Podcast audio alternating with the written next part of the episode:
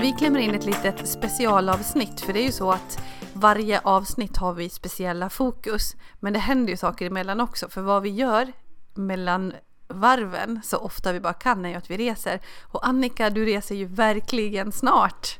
Ja, imorgon drar vi. Åh, jag är så himla glad för er skull och avundsjuk och du måste berätta, vart är det ni åker någonstans? Eh, imorgon kommer vi sätta oss på planet till Bangkok och där kommer vi att sova en natt och vi har en hel dag där. Sen åker vi vidare till Kambodja och eh, lite speciellt eftersom det är mitt femtionde land det måste man ju på något vis eh, fira lite extra. Det är trumpet och fanfarer. Ja, jag är ju sådär nördig så jag, jag räknar hur många länder jag har varit i. Jag vet att det är lite nördigt kanske men Ja, ja, men det är stort. Men då förstår vi att Kambodja är nytt för dig. Hur länge ska ni vara där? Vi kommer vara där i fyra dagar. Ja, vart ska ni någonstans i Kambodja då? Vi åker till Siem Reap och så är vi, eh, eller hur uttalas det egentligen? Siem Reap va? Det vet jag faktiskt inte. Vi, det, jag har velat se Angkor Wat jättelänge alltså, så det, det är det vi satsar på i, i Kambodja. Tar du med dig eh, barnen och familjen till templen? Det gör jag. Och för att återkoppla till det som vi har snackat om lite grann du och jag, att man får anpassa resan efter barnen. Det här är en dröm som jag har haft och nu får de följa med. Vi anpassar oss. Tobias, eh, min man, han får också hänga med. Och så får vi göra det bästa av situationen tänker jag. Ja, ja men det låter grymt. Angkor Wat är verkligen vrålhäftigt. Sen tror jag säkert att det kan vara ganska mycket turister där. Jag tänker att det är ett ställe som boomar år efter år. Men du får väl återkomma med rapporter därifrån. Det ska jag göra. Vad ser du fram emot mest med eh, Angkor Wat? Jag hoppas på någon liknande upplevelse som, eh, som jag hade i Peru när vi gick Inka-leden och eh, såg solen gå upp över Machu Picchu. Jag fick gåshud alltså på armarna, hela kroppen och bara stod och grät. Alltså jag vet inte, men, men någonstans så när jag ser bilder på, på templen, eh, på templen där i Angkor Wat så, så föreställer jag mig att det, att det är den känslan som jag är ute efter.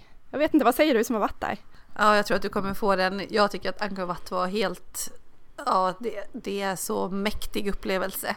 Det är så otroligt häftigt att det är det här stora och liksom ute i djungeln.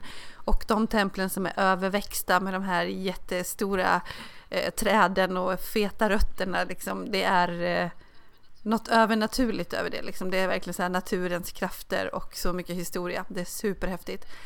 Men du, eh, och sen efter det åker ni till eh, Thailand tillbaka eller? Mm, precis, då, då flyger vi med Air Asia tillbaka till eh, Bangkok och vidare ner till Krabi för att ta en transfer till Koh Lanta. Ja, och så kommer ni vara där i flera månader. Mm, eh, vi är borta drygt tre månader totalt. Superhäftigt. Hur går det för oss att podda då? då? ja, vi förlitar oss på eh, det vida internetet som att de ska fixa det mellan eh, Thailand och Sverige och jag tror att det funkar. Det tror jag också. Så att eh, vi kommer ju fortsätta podda fast du åker iväg och det ska bli jättehäftigt att höra lite mer om din resa. Men du, så här dagen innan, långresa med barnen och alltihopa, har du resfeber? Ja, du ser, vi sitter här på Skype, jag vet inte om du ser att mina kinder är helt röda. Ja, jag ser faktiskt det. helt blossande röda. Ja. Och eh, det är resfeber men det är också av ansträngning för jag far omkring som ett tok här i vårt hus. Vi ska hyra ut huset nämligen. Och när folk frågar, vi har varit och hämtat barnen på förskola och skola idag, så Åh, hur går det att packa? Ja, är det jobbigt? Och det, det, är liksom inte packningen i sig som jag tycker är jobbig för, inför resan, utan det är att packa ner ett helt hus. Alltså vi kommer hyra ut det möblerat, men det är ändå jättemycket jobb med att ta bort alla rensa skåp och lådor och garderober, i princip göra en flyttstädning. Ja, ja, det är ett mäktigt arbete. Jag förstår att det har varit väldigt, väldigt mycket de senaste dagarna. Men är du klar nu då eller? Eller blir det nattarbete? Det blir nattarbete. Jag ja. vill, det är skönt att få en liten välbehövlig paus här. Eh, jag eh, har, äh, jag har det under kontroll tror jag. Ja. Alltså min, min kära make fick väldigt, väldigt, väldigt lämpligt ryggskott här. Ja. Eh, några dagar innan avresa. Så att eh, ja, jag, jag hade turen att ha lite släkt här. Så min syster sov här. Stackaren, hon fick städa som ett litet djur Två dagar i rad. Förlåt Kajsa. du, jag undrar en sak till också. Vad säger barnen? Barnen är, de är jättetaggade och jag hör dem ligga och tissla uppe i sitt rum nu faktiskt, de, de äldre. eh, Sebastian och Julia som är sju och fem. De är jättespända och har varit och kollat i sina väskor flera gånger så att allting ligger på plats och sådär. Härligt. Det låter som att det är lite fullt ös in i det sista men att eh, ni är laddade både du och hela din familj. Mm, det är vi, absolut. Kommer du att blogga mycket därifrån eller är det Instagram som gäller framförallt? Jag har tänkt att, att blogga mer än, äh, än jag brukar göra här hemma. Så jag kommer definitivt blogga på resfredag och äh, Instagram blir löpande uppdatering också.